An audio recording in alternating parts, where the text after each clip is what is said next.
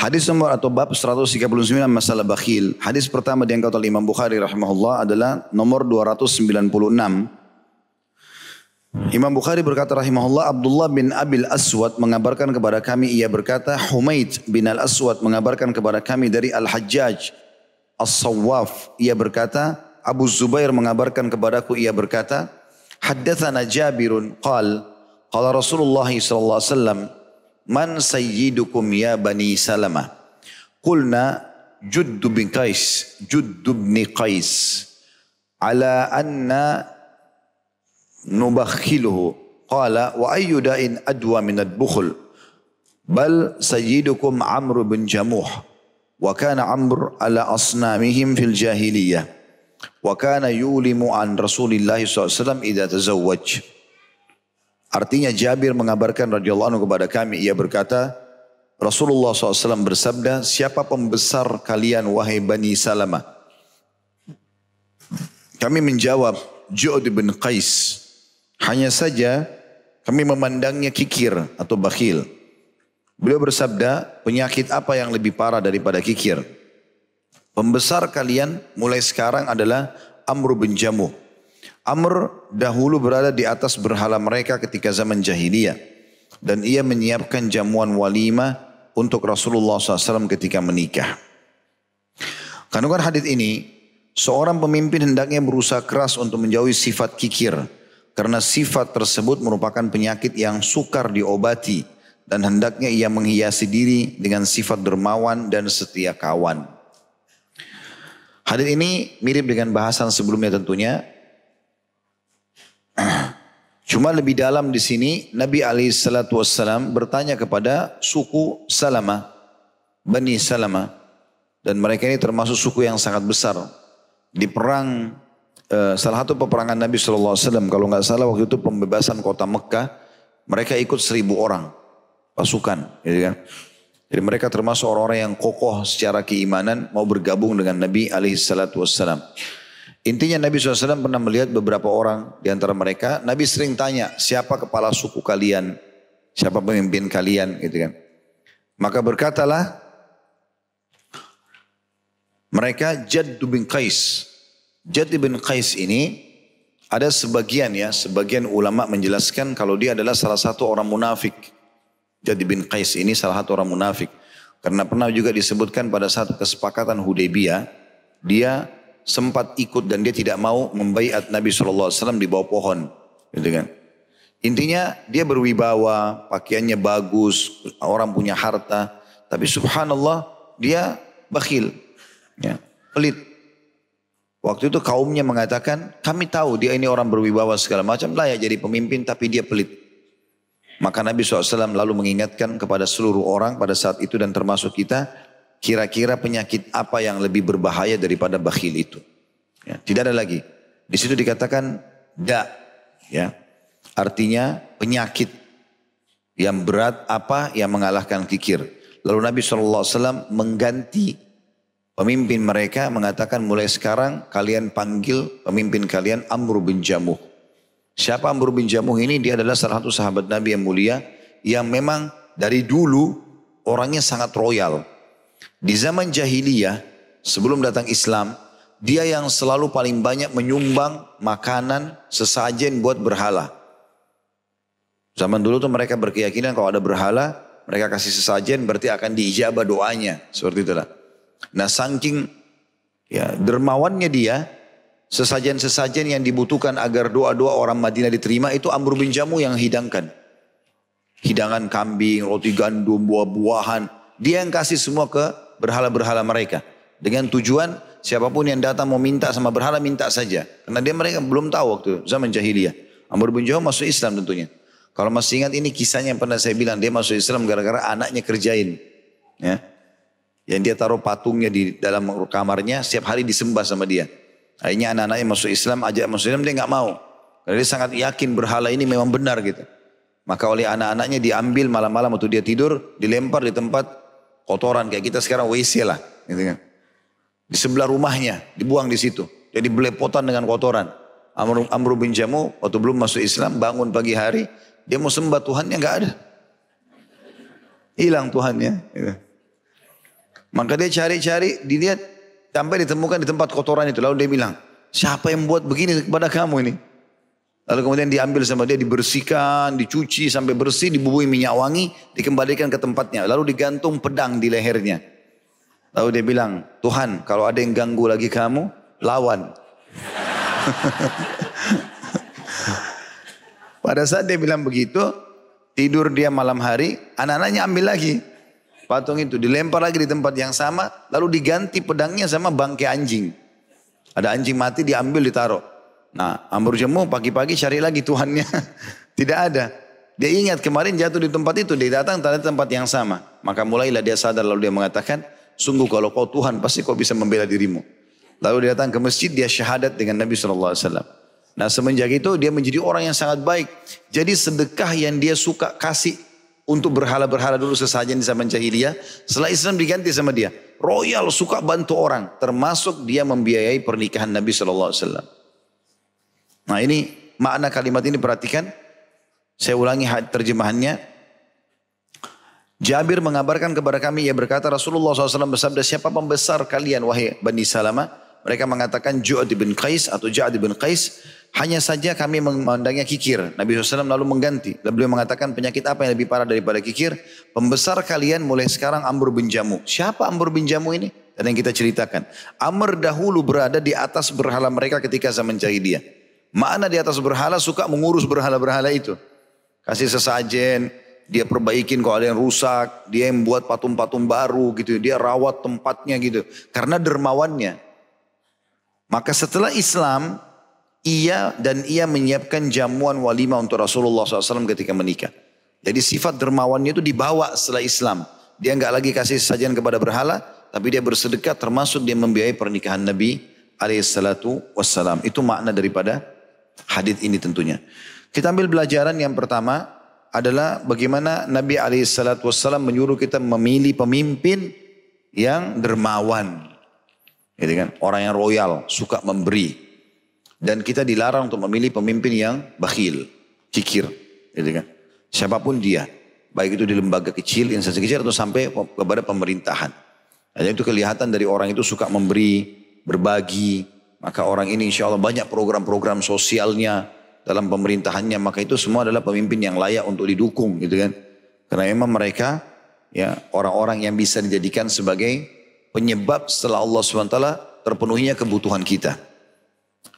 Di sini Nabi SAW spontan pada saat ada keluhan dari suku Bani Salamah tentang Ja'ad bin Qais kalau dia adalah orang yang bakhil atau pelit.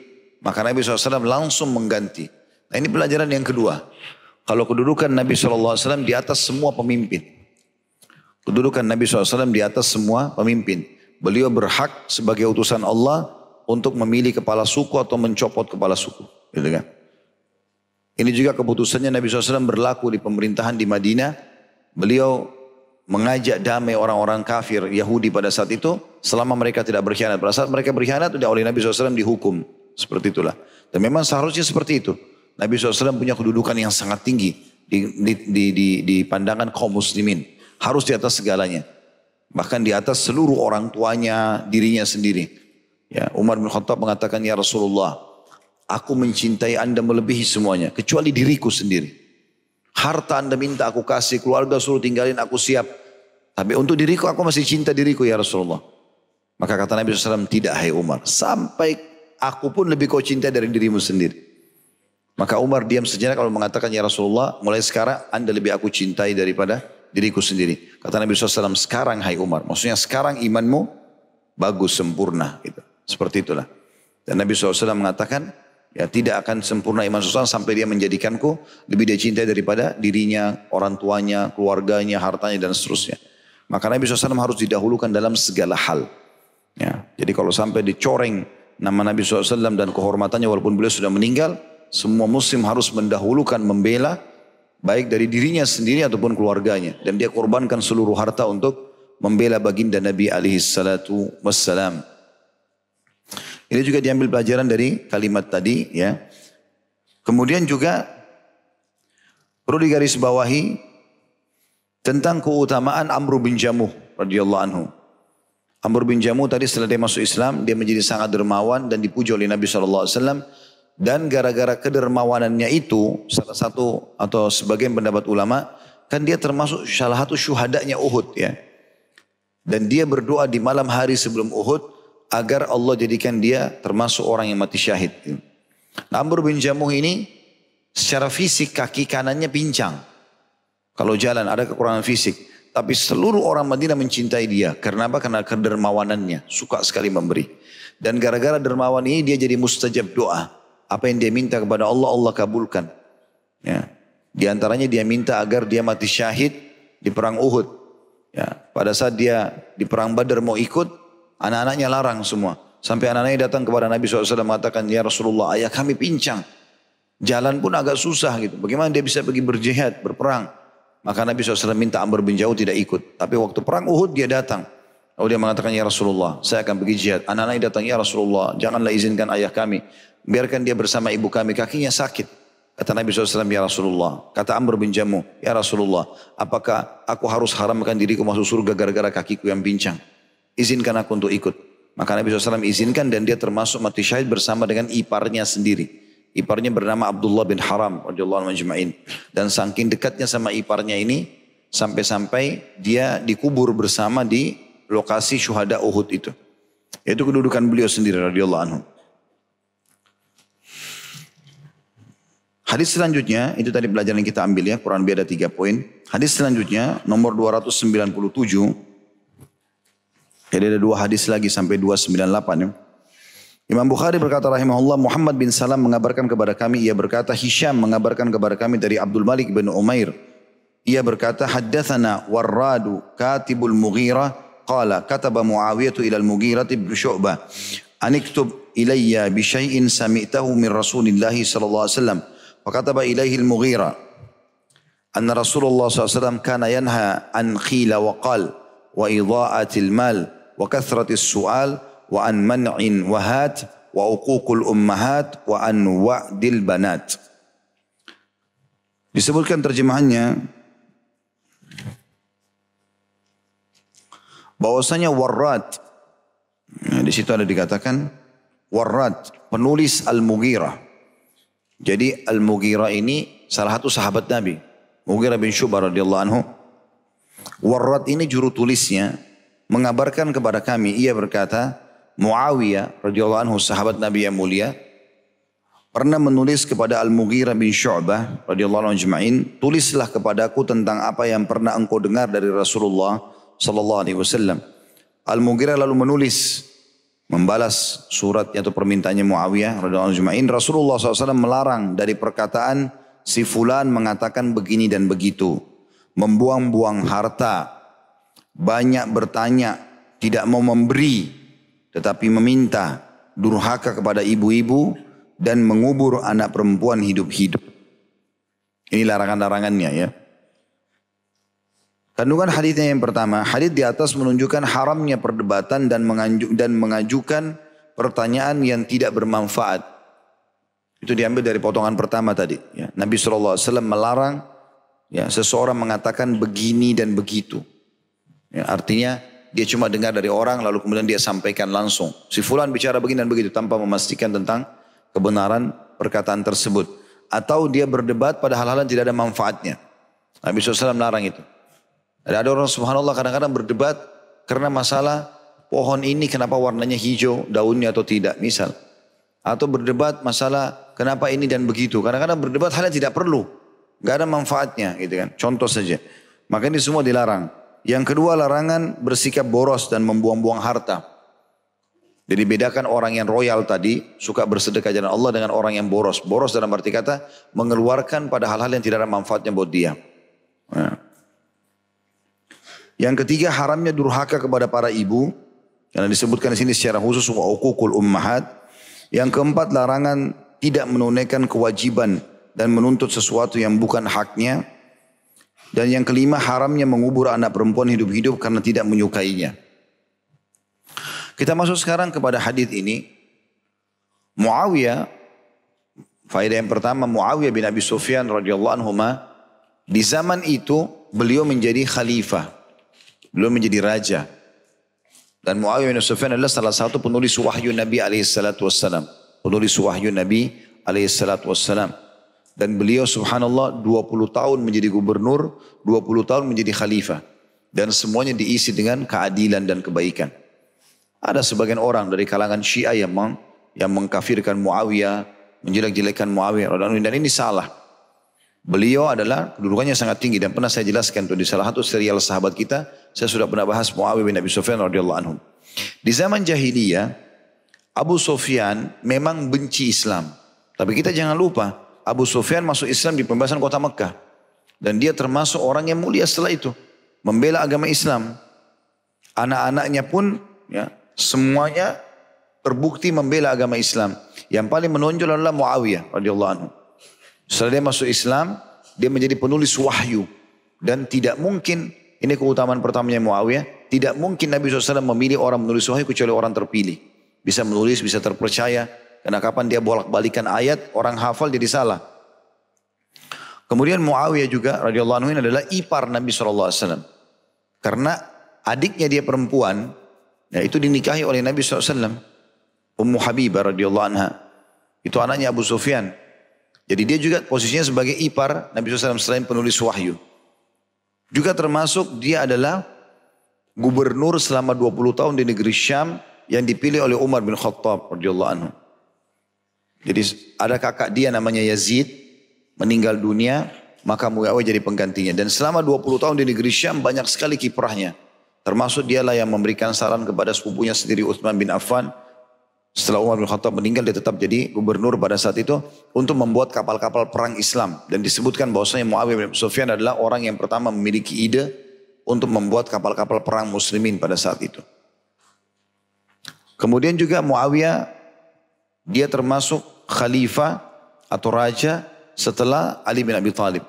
Setelah Khulafaur Rasyidin yang empat, dia datang. Dan selama 20 tahun menjadi raja pada saat itu. Ada sebagian orang mengangkat isu-isu yang dijadikan sebagai sebuah polemik. Terutama orang-orang Syiah mengatakan bahwasanya Muawiyah merebut khilafahnya Ali. Ini tidak benar sama sekali. Karena pernah terjadi perang Siffin. Nah perang Siffin ini ada masalahnya. Perang Siffin, Siffin adalah sebuah lokasi di antara Syam dengan Irak. Waktu itu tidak ada mesos kayak kita sekarang.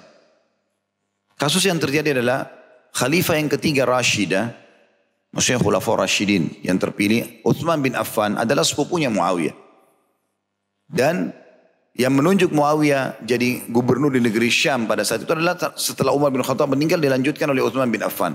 Gitu kan. Maka pada saat Uthman bin Affan dibunuh oleh kaum Khawarij. Pada saat dia lagi mau buka puasa menjelang maghrib. Dibunuh, ditusuk. Dan darahnya tertumpah radhiyallahu anhu di ayat fasayakfikahumullah. Maka Allah akan balas kalian dan Uthman bin Affan sempat menceritakan pada istrinya, kalau dia siang hari tertidur lalu mimpi, Nabi SAW mengatakan bersama, bersabarlah Uthman karena aku akan berbuka puasa bersama kami. Jadi hari itu hari puasa dan Uthman bin Affan lagi puasa dan dia meninggal subhanallah sebelum buka puasa. Sebagian ulama mengatakan berarti memang dia akan meninggal pada saat itu mati syahid. Dan pada saat dia masih hidup Nabi SAW sudah mengatakan Uthman bin Affan akan mati syahid dengan cobaan yang akan ada di akhir hidupnya. Jadi kan, karena dia dibunuh. Intinya itu. Nah pada saat dibunuh, Masyarakat umat Islam ini bingung pada saat itu kondisinya. Maka mereka mengingat waktu Umar bin Khattab masih hidup sempat mengumpulkan enam orang sahabat yang dijamin surga. Uthman bin Affan, Ali bin Abi Talib, Talha bin Ubaidillah, Zubair bin Awam, Sa'ad bin Abu Waqqas, Abdurrahman bin Auf. Lalu disuruh pilih siapa di antara mereka jadi khalifah. Nah, jadi kandidat terkuat dua orang, Uthman bin Affan dan Ali bin Abi Talib. Nah, setelah Uthman bin Affan mati, masyarakat Madinah mengingat itu. Mereka mengangkat langsung Ali bin Abi Thalib di bayat jadi khalifah. Nah, Muawiyah pada saat itu untuk mengirim informasi dari Madinah ke negeri Syam lama, gitu kan? Begitu sampai berita kepada dia kalau masyarakat Madinah sudah membayat Ali bin Abi Thalib, sementara pembunuh Uthman sepupunya Muawiyah belum ditemukan, maka dia ingin menyelesaikan masalah ini. Dia keluar dari negeri Syam dengan 3000 orang kurang lebih niatnya untuk supaya bertemu dengan Ali bin Abi Thalib bicara baik-baik masalah ini. Tapi ada orang-orang khawarij yang tadinya memang penyebab terbunuhnya uh, Utsman bin Affan ini di Irak. Mereka takut kebongkar kedoknya. Mereka kirim surat ke Madinah, bilang sama Ali, sesungguhnya Muawiyah keluar dengan pasukannya dari negeri Syam dan akan menyerang Madinah. Ali bin Abi Thalib waktu itu tidak bisa komunikasi dengan Muawiyah. Nah, kita sekarang bisa telepon, benar nggak nih? Tidak bisa sama sekali. Jadi caranya gimana? Ali bin Abi Thalib keluar juga dengan pasukan. Berjaga-jaga, jangan sempat benar nih. Ketemulah mereka di Siffin. Waktu ketemu, terjadi negosiasi selama beberapa hari. Gitu kan? Negosiasi ini terjadi dan akhirnya kesimpulannya sudah kalau begitu. Muawiyah intinya mau berharap anhu agar sepupunya yang terbunuh Utsman bin Affan ditangkap pembunuhnya. Seperti itu saja. Ternyata kasusnya bukan itu, ya. Apa kasusnya seperti itulah. Dan Ali mengatakan baik, bayat saya, akui kekhilafannya maka saya cari pembunuhnya. Terjadi kesepakatan itu. Ternyata orang-orang Khawarij ini tahu. Ya, dan mereka tidak mau itu. Mereka takut kebongkar nanti mereka yang membunuh, maka mereka bagi jadi dua kelompok, satu di kelompok Muawiyah, satu di kelompok Ali. Lalu malam-malam mereka lempar panah api ke kemah Muawiyah dan yang dari kemah dari lokasi Muawiyah lempar ke kemahnya Ali. Lalu mereka ribut, ini perang, gitu kan. Contoh kasus, teman-teman, kalau kita lagi jalan, saya jalan bertiga, kita jalan bertiga di satu jalan, sana juga ada tiga orang lagi jalan. Walaupun kita tidak bermusuhan, tapi kalau ada satu orang dari tiga orang di sini lempar batu ke sana, berantem gak kira-kira? Ini malam-malam mereka dengan pakaian perang dilempar panah api. Teriak ini khawarij. Kelompok-kelompok yang tidak benar nih dari kelompoknya Ali. Kelompok Muawiyah berkhianat. Dari sana juga teriak. Kelompok Ali berkhianat. Peranglah mereka malam itu. Setelah banyak korban, Ali bin Abi Thalib sama Muawiyah berhenti. Ini tidak boleh lagi dilanjutkan ini. Diberhentiin peperangan tersebut. Akhirnya Muawiyah pulang ke negeri Syam dengan maksud sudah berhenti. Ini darah muslimin tidak boleh tertumpah. Yang penting cari pembunuhnya Uthman. Gitu kan? Waktu Muawiyah pulang, rupanya Khawarij ini nggak terima. Mereka bilang lagi sama Ali, wahai Ali, kau tidak berhukum dengan hukum Allah, mestinya bunuh tuh Muawiyah. Dan Ali bin Abi bilang, bagaimana caranya mau dibunuh ini sahabat Rasulullah, penulis wahyu, iparnya Nabi. Dan dia tidak salah dia keluar dari negeri Syam, niatnya mau membela, menanyakan tentang darah sepupunya yang meninggal. Uthman bin Affan, seperti itulah. Ternyata mereka nggak terima, mereka keluar dari pasukan Ali, mereka membunuh banyak orang di wilayah Irak. Oleh Ali diserang sampai akhirnya mereka terbunuh gitu kan. Dan Nabi SAW sudah mengatakan nanti akan terjadi masalah kau Ali dengan satu kelompok yang kalau kau temukan di tengah pasukan mereka tangannya ini itu seperti ma payudara wanita. Pemimpin mereka seperti itu. Maka pastikan kau benar. Setelah Ali bin Abi Thalib membunuh mereka, mereka mati terbunuh semua orang-orang yang buat masalah ini. Pada saat itu Ali bin Abi Thalib suruh cari pasukan dan ditemukan. Maka semuanya sujud syukur kepada Allah. Intinya pada saat itu Muawiyah bukan mau buat masalah, gitu kan? Seperti itulah. Nah setelah terbunuh Ali radhiyallahu anhu, dibunuh juga oleh Khawarij. Kaum Khawarij juga ini membunuh dia dan menganggap itu kedekatan diri kepada Allah dan segala macam lah. Ngawur pemahamannya. Intinya Ali bin Thalib dibunuh. Masyarakat Madinah membayat Hasan radhiyallahu anhu, cucu Nabi SAW dan anak Ali. Muawiyah keluar lagi dari negeri Syam, mau diskusi nih. Ini kira-kira masih kan masih banyak sahabat Nabi yang tua. Kan? Termasuk dirinya sendiri Muawiyah ada. Masih banyak sahabat-sahabat Nabi yang berumur. Hasan masih muda dianggap. Umurnya masih sangat muda. Kenapa harus pergi ke Hasan? Kenapa enggak yang lain gitu? Bertemulah Muawiyah datang dengan pasukannya ke Madinah. Bukan niat mau menyerang Madinah. Ini pemahaman harus diluruskan. Bukan niat mau menyerang Madinah. Tetapi kasusnya adalah dia lagi mau pada saat itu datang membawa pasukan ini supaya jangan ada yang mengganggu di tengah jalan. Kan zaman dulu tidak ada keamanan. Tidak kayak kita sekarang ya. Sekarang kalau ada apa-apa pesawat dibajak langsung satu dunia tahu. Zaman dulu enggak kita jalan nih 10 orang 20 orang satu kafilah. Setiap saat bisa diserang oleh 30 orang penjahat dibunuh ambil hartanya selesai dibuang di sungai nggak ada yang tahu. Maka dia bawa pasukan supaya aman tiba di Madinah. Hasan Masyarakat itu berhati-hati. Masyarakat Madinah juga mempertemukan, membuat pasukan supaya terjadi negosiasi. Jangan sampai nanti betul-betul terjadi penyerangan. Itu tidak. Negosiasi antara Hasan sama Muawiyah. Hasan mengatakan kalau memang itu maksudnya, maksudnya mau dahulukan sahabat-sahabat yang lebih tua, baiklah. Saya turun dari ini. Saya nggak mau jadi khalifah. Dan ini sesuai dengan sabda Nabi SAW. Cucuku ini ditunjuk Hasan, gitu kan? Adalah seorang tuan, Sayyid, gitu kan? Dan semoga Allah memperbaiki dia di dua pasukan muslimin yang tidak jadi berperang. Ternyata di situ yang maksudnya. Dan Ali bin Abi dan Hasan radhiyallahu memberikan silakan. Kalau begitu kamu saja Muawiyah jadi khalifah. Dibayatlah Muawiyah pada saat itu. Dan pada saat itu dikenal dengan tahun ya damai. Karena damai semuanya, jadi baik semuanya. Mereka tidak lagi permusuhan antara muslimin. Jadilah Muawiyah khalifah selama 20 tahun. Dan itu dengan kemakmuran, dengan segala macam hal. Ya. Itu yang disebutkan tentang Muawiyah. Nah Muawiyah ini pada saat jadi khalifah, pernah mengangkat salah satu sahabat Nabi namanya Mughirah bin Syu'bah sebagai salah satu gubernur. Ya. Lalu kemudian dia menyurat kepada Al-Mughirah. Ini tanda keimanan Muawiyah karena dia ingin tahu Kira-kira ada nggak hadis yang pernah kau dengar dari Nabi yang belum saya tahu nih? Coba tulis apa saja yang kau pernah ingat. Maka salah satu yang ditulis oleh Al-Mughirah bin Syu'bah, sahabat Nabi yang mulia juga satu ini, waktu itu gubernurnya Muawiyah, menulis tentang pesan ini. Nah pesannya adalah, Al-Mughirah lalu menulis Rasulullah SAW melarang dari perkataan si fulan mengatakan begini dan begitu. Dikasih angka satu di atasnya itu. Artinya Nabi SAW melarang berbicara berita yang tidak ditahu kepastiannya. Hoax ini semua, bohong, dusta, isu-isu yang tidak benar, gosipin orang. Dan tidak boleh, tadi sudah kita jelaskan, berdebat pada hal-hal yang tidak bermanfaat. Kemudian yang kedua, membuang-buang harta. Boros bukan pada tempatnya gitu kan. Kalau sedekah tidak dibahasakan dengan boros tentunya. Tapi boros ini mubazir di rumahnya dia beli 10 mobil. Untuk apa 10 mobil ini? Ada orang pernah saya baca datanya punya mobil 100. Gitu. Jadi kalau dia pakai satu hari satu kali itu mobil, berarti hari ke 101 baru kembali ke mobil yang pertama. Gitu kan? Untuk apa ini? Kalau orang punya mobil mungkin anaknya banyak, satu buat dia mungkin dia pergi kerja istrinya sama istrinya mungkin dia juga mungkin dua tiga mobil darurat mungkin tapi 10 mobil untuk apa? 20 mobil untuk apa gitu kan? Mubazir.